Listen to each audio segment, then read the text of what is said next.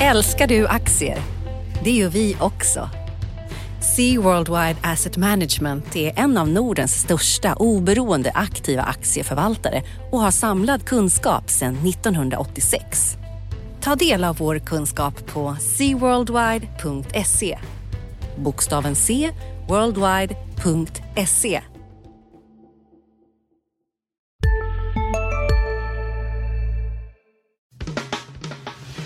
Analyspodden från Dagens Industri. Hej allihopa och välkommen till veckans avsnitt av eh, Dagens Industris analyspodd. Det är dagen före dopparedagen, men börsen har öppet och vi är på plats. Jag, Ulf Pettersson och med mig har Viktor Munkhammar. Hej, hej. Hej, hej. Hur har din vecka varit och vad tycker du vi ska prata om? Ja, från min horisont, makrosidan av bordet då, så har det varit ganska lugnt men vi har fått en ny barometer från Konjunkturinstitutet.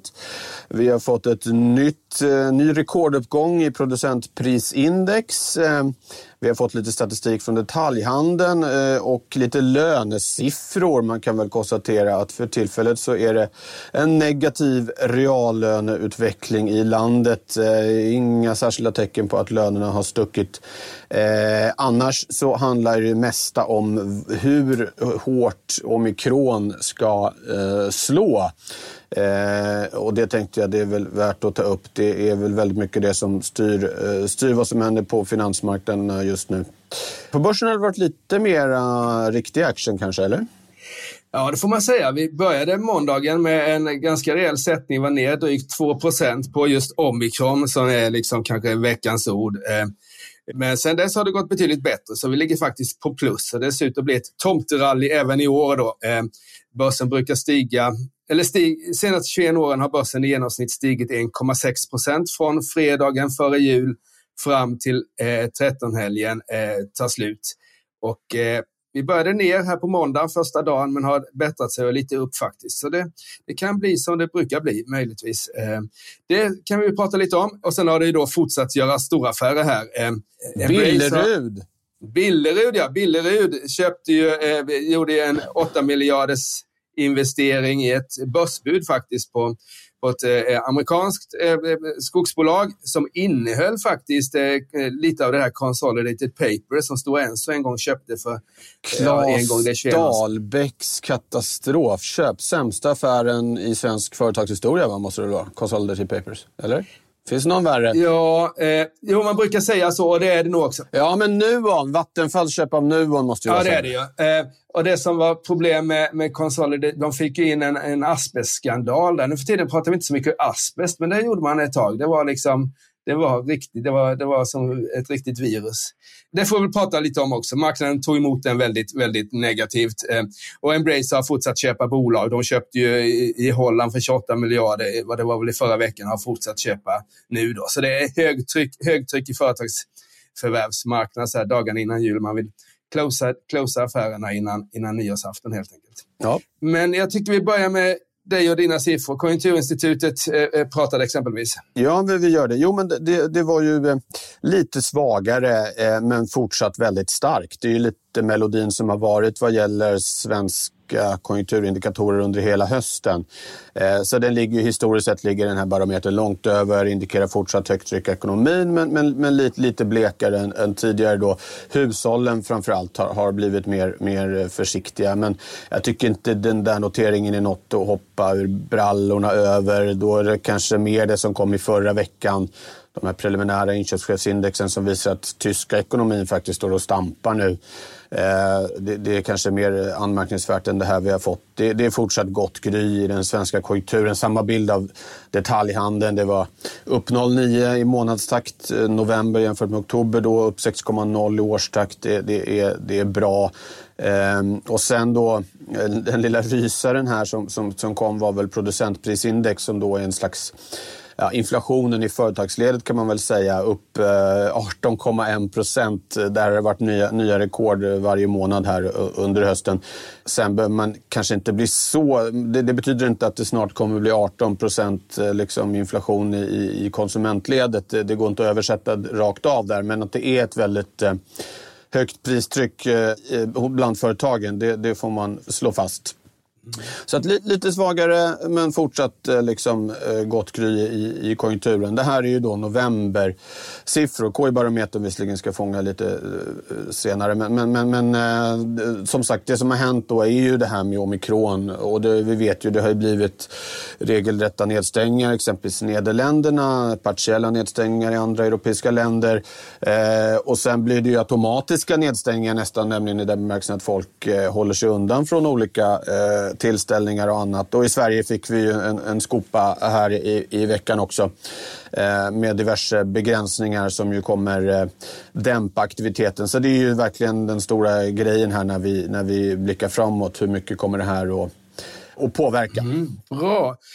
Eh, men om vi tar då ändå, jag tycker du är nog ändå tvungen att utveckla det här 18 procent på producentprisindex och vi ligger på 3,6 vill jag minnas är KPI, alltså konsumentprisindex.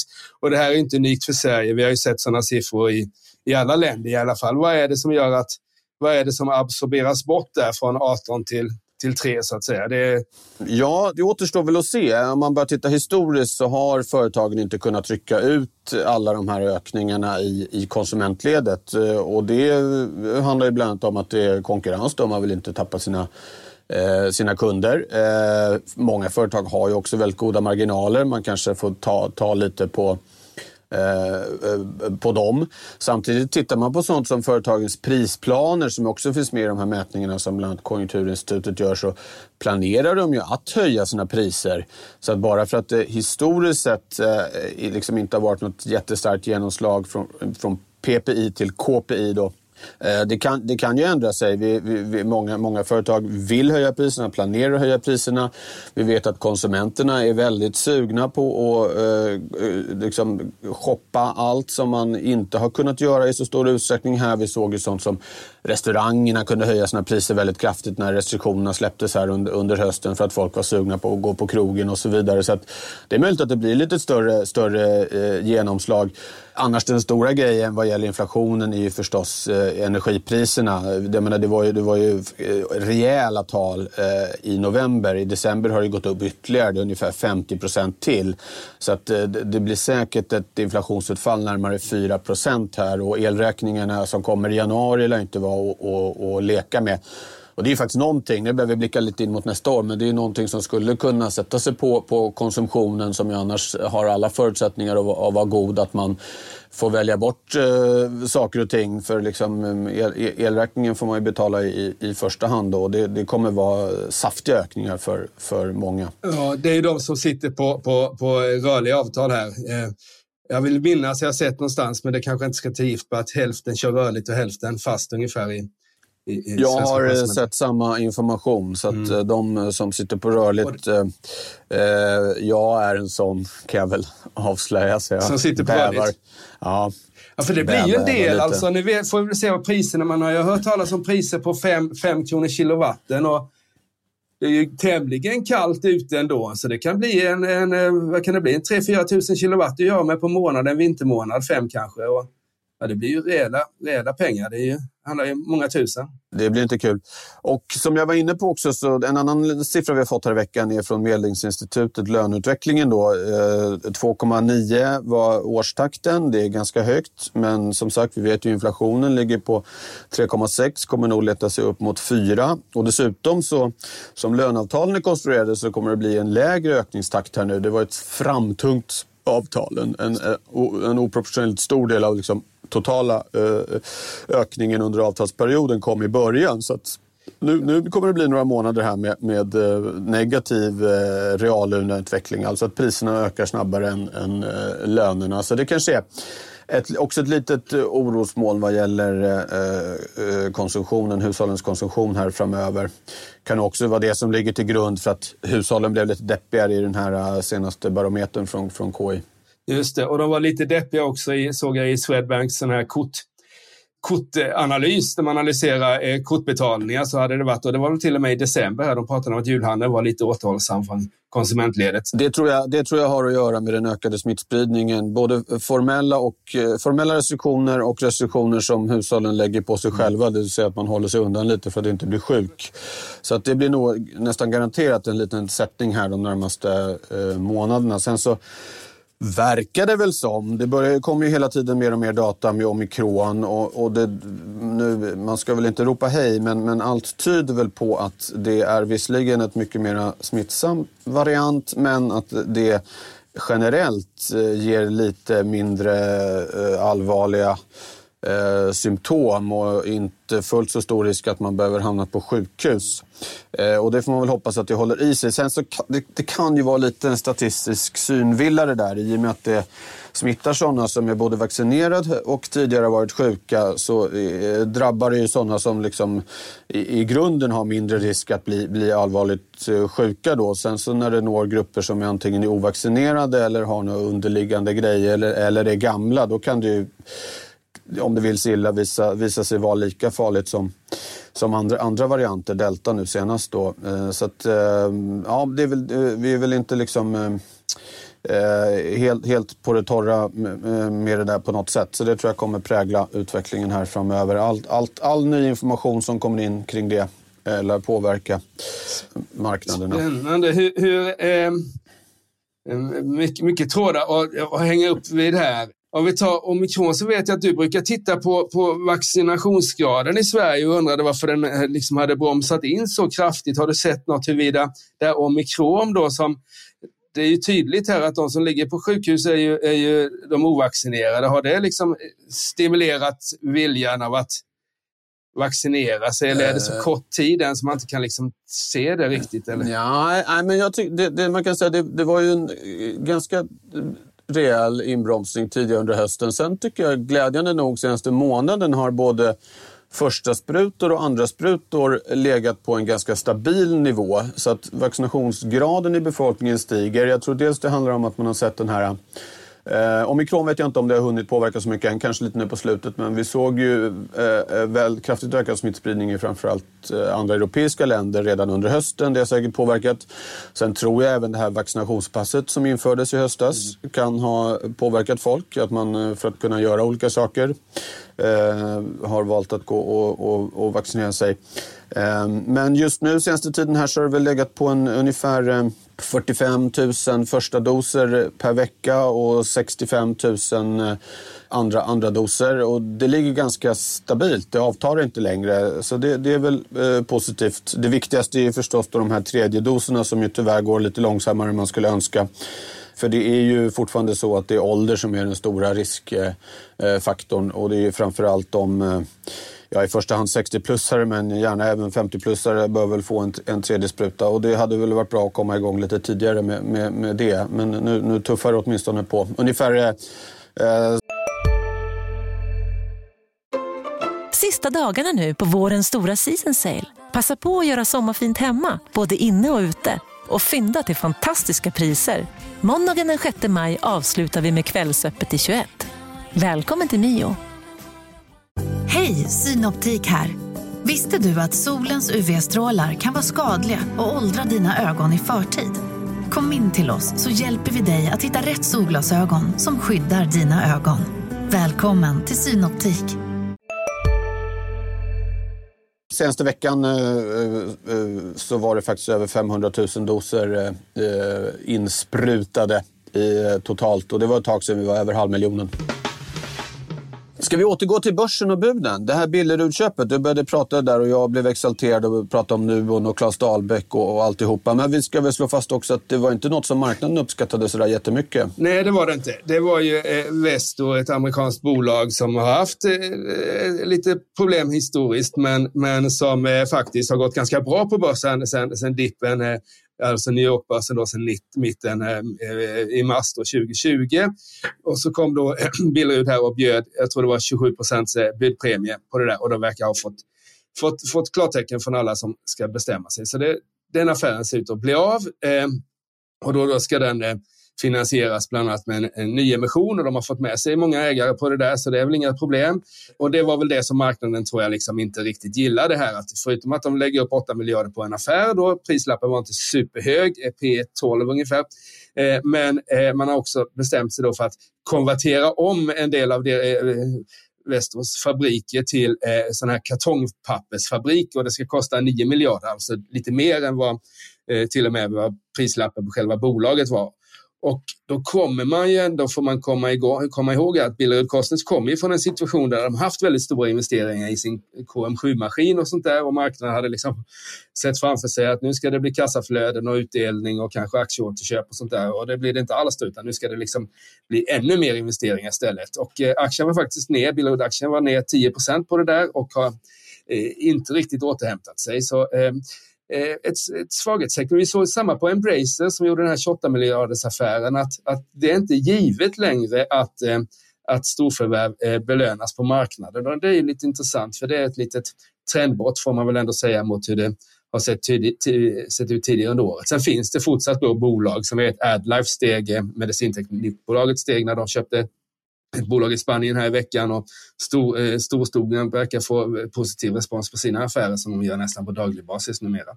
Så, eh, men det är klart att det är ju lite, det är ju en jättetoppsignal får man till och med säga. Alltså, vi pratade, eller du pratade om Consolidated Papers då, som Stora Enso köpte år 2000. Och vi ser, tittar man på ett diagram över företagsaffärer så ser man 2000, 2007 är de stora topparna. Och vi vet ju vad, hur konjunkturen såg ut och hur börsen såg ut 2001 och 2002 och delvis 2003 och vi vet hur börsen såg ut 2008, 2009, 2010 också. Och, och så det är ju liksom de som kan sin historik så de här stora affärerna brukar aldrig liksom förebåda goda tider på börsen men, men eh, just nu så rullar det på riktigt bra. Stockholmsbörsen är upp 30 procent i år så vi har haft en och det är ganska enormt egentligen att vi var faktiskt upp 13 procent förra året, 30 i år och, och 30 2019 då innan, innan pandemin här. Så det är, har varit några riktigt bra börsår. faktiskt får man säga. Där kan man flika in att realräntan för närvarande är minus 3,5 procent i Sverige och 4-5 procent ja. i, i, i, i, USA. Ja, så, så, så, vad ska det, man göra? Det är, alltså, det, är, det, är, det är en faktor att ta med. Det, det, det, det är hela faktorn egentligen och även om inte eh, eh, ja, Billerud betalar nog inte så mycket i sina lån på den här stora affären så det är klart att Storskogen har väl lite högre räntor men, men det är klart att det är ju rationellt alltså. Vi har ju det är, alltså, man hör ju politiker och, och, och centralbankschefer och sånt där prata och prata, men, men tittar man på, tittar man på eh, i börsskärmen och den finansiella marknadsskärmen så är det ju rationellt att köpa, alltså när du har en negativ realränta där tillgångspriserna stiger snabbare än, än, än, än vad ränt, räntebetalningarna stiger så att säga, eh, eller utgör, så ska man ju köpa. Och, eh, och det här är ju Alltså I Tyskland har vi, är vi väl inne på över tio år av negativa realräntor. Liksom. Så det är ju, och det är ju, jag vet inte vad det säger, det, det gör, jag skulle säga att det gör så mycket med, jag är väldigt skeptisk till det här, för det gör så mycket med vår, vårt, vårt så att säga, sätt att se på, på allting egentligen. Pengar och hållbarhet och allting. Att, att de här som, liksom, som mamma lärde en att man skulle liksom spara och inte förköpa sig är liksom, har ju varit så fel. Och de som har har köpt en lägenhet och belånat och köpt ännu större lägenhet och belånat och köpt ännu större. De har ju liksom sitter på, har suttit på en bankomat i 20-30 års tid. Ja, det är mm, onekligen eh, ovanliga, ovanliga tider. Nu, eh, om man ska gissa något så kommer väl ändå inflationstakten att sjunka tillbaka under nästa år. Eh, kanske också kan man tänka sig att få lite stigande nominella räntor så då kommer väl de här realräntorna upp. Men, men det, jag menar, det är en bra bit till nollan fortfarande. Ja, ja. Och det finns ju inget, alltså tittade på ECB vad de pratar om och även Riksbanken ska väl höja räntan först slutet av 2024. Det är ändå tre år bort liksom. Det är ju, en, det är ju liksom en halv konjunkturcykel. Och något som när jag ändå har en, en, en makroekonom på bordet så skulle jag säga de här, det här som du och jag fick lära oss att, och, och som Micke Wilenius, vår kollega, skriver ibland, inte så ofta längre, för det verkar inte gälla längre, nämligen de här konjunkturcyklerna vi hade var femte år och det var liksom och det var just på 5-talet som det förändrades, 5 och 0-talet. Vi har inte haft en vettig konjunkturnedgång sedan eh, början av år 2000 egentligen. 2001-2002 var väl en konjunkturnedgång. Sen har vi bara haft krishantering. Och väldigt ja, kort... kriserna, har ju, kriserna har ju stökat till det lite, men det var ju en, man får väl ändå säga att det var en rejäl konjunkturnedgång efter finanskrisen. Jo, men den var ju inte, den var, ja, precis, men den var ju, den var ju krisrelaterad. Den var ju, vi, den var ju inte så att säga så som vi som man fick lära sig. Det var inte det här vanliga fina mönstret med vågorna som går lite regelbundet och som det går att förstå någonting av? Ja, nej. nej precis, att, att man investerar och sen så minskar investeringstakten för du har, har gjort en investeringspuckel. Så har det inte varit, utan det har ju varit skapat kriser och sen så nollränta och sen upp igen. Liksom. Ja, det, ja, nej, men det har varit lite, det har varit lite stökigt med, med konjunkturcyklerna, det får, man, det får man tillstå. Ja, det verkar, och framförallt så verkar det som att, att, att alla är så väldigt rädda för lågkonjunktur. Ja, men det är väl naturligt att vara. Då blir folk arbetslösa. Jo, men det är väl ett naturligt inslag i en, i en, liksom, i en ekonomi också.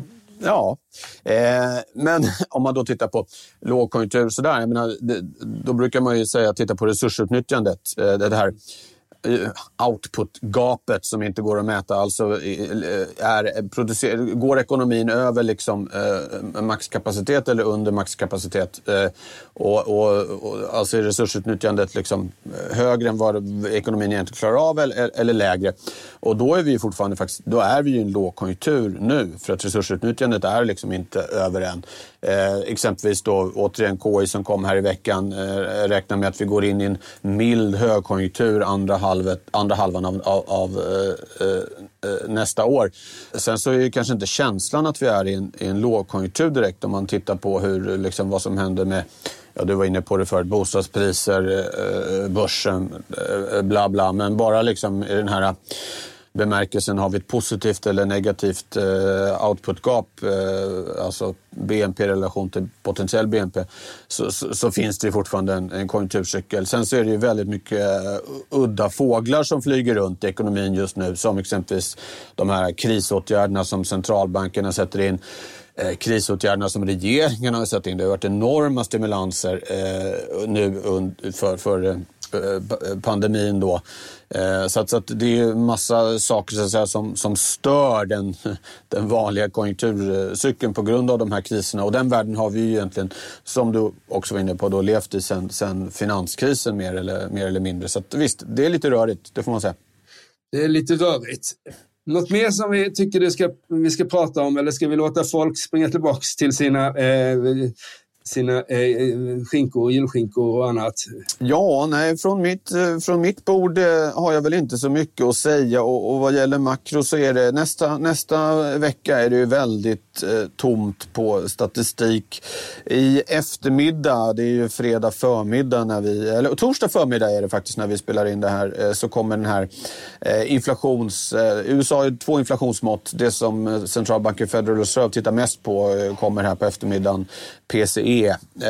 Så det är väl möjligen eh, någonting, men det, eh, det kommer väl förmodligen att, att, stiga då. Men annars är det ganska magert på makrofronten utan som sagt det är ju hur omikron sprider sig och vilka effekter det verkar få och hur stora nedstängningar det blir och i vilken utsträckning folk håller sig borta från saker och ting. Det är liksom det som som, som styr. Om jag blickar ännu längre fram så blir ju en intressant sak med det hur, hur, eh, hur Kina ska hantera det här eh, viruset. Vi har ju haft faktiskt en del tecken på att de här äh, utbudsproblemen i världsekonomin har börjat lätta lite nu ändå. Det kan man se, leveranstiderna har sjunkit lite, inköpschefsindex där pristrycket inte fullt så högt, äh, eller ökningstakten är inte lika stor i pristrycket. Men vad händer när Kinas noll, noll covid-strategi krockar med omikrons smittsamhet? Det finns ju ett OS också de ska tänka på. Äh, så att där är väl risken stor, tror jag, att det kan bli ganska omfattande nedstängningar i Kina och det skulle ju kunna öka på de här flaskhalsproblemen alla fall tillfälligt. Vi såg en, en hel stad, 13 miljoner stad, som har stängts ner nu, exempelvis bara här igår tror jag det var. Och sådär. Eh, så det, är väl någonting eh, som skulle kunna ställa till lite, lite problem på produktionssidan. Eh, men, men, men då är vi en bit in i, i nästa år och fullt så långt kanske vi inte ska blicka framåt just idag. Och tar jag det kortsiktiga perspektivet på marknaden här så eh, stänger vi idag då och så öppnar vi igen på måndag och öppet fram till torsdag. Och det är inte så mycket som händer där heller. Eh, eh, det finns en del utländska marknader som är, öppet, eller som är stängt lite mer faktiskt. Eh, men det man kan förvänta sig nästa vecka är väl någon mer stor affär borde det bli, framförallt i fastighetssektorn. Där, ja, de brukar väl ha mycket att göra i mellandagarna, va? just fastighetsbolagen. Ja, ja, det kommer. Man har sett lite här. Vi har ju ett börsbud som verkar gå igenom då SBB, Ilja Batlans på Amasten. Eh, Castellum har ju, har ju, har ju köpt en norska Entra-aktier, fastighetsbolaget, så de är nära budpliktsnivå.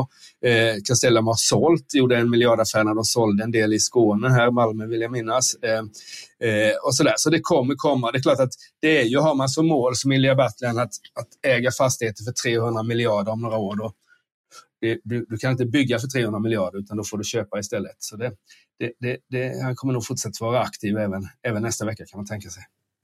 Ja. Ska vi stänga butiken och önska god jul? Det ska vi. Men vi ska göra reklam för våra kollegor också, så vi är välkomna tillbaka efter nyår. Mm, det är klart. Digitalpodden. Digitalpodden har vi ju. Eh, vi har din podd, Makrorådet. Jag vet inte när du gör den nästa gång. Ja, den kommer den 26 januari, så det ja. dröjer lite grann. Det är juluppehåll där. Vi har, vi har en, en privatekonomisk podd också, Spararpodden. Mm. Och eh, så har vi en daglig podd, den är möjligt att inte den kör också. Så ni har att göra eh, även under julhelgerna här. Och, eh, eh, men nu tycker jag vi stänger Viktor och önskar våra eh, lyssnare en riktigt god jul. Från oss alla till er alla en riktigt god jul. Ha det bra nu. Det gör vi. Ta hand om er. Hej. Tack, hej. Analyspodden från Dagens Industri. Programmet redigerades av Umami Produktion. Ansvarig utgivare Peter Fellman.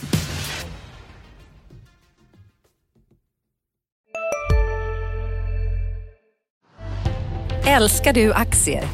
Det gör vi också. Sea Worldwide Asset Management är en av Nordens största oberoende aktiva aktieförvaltare och har samlad kunskap sedan 1986. Ta del av vår kunskap på seaworldwide.se. Bokstaven C, worldwide.se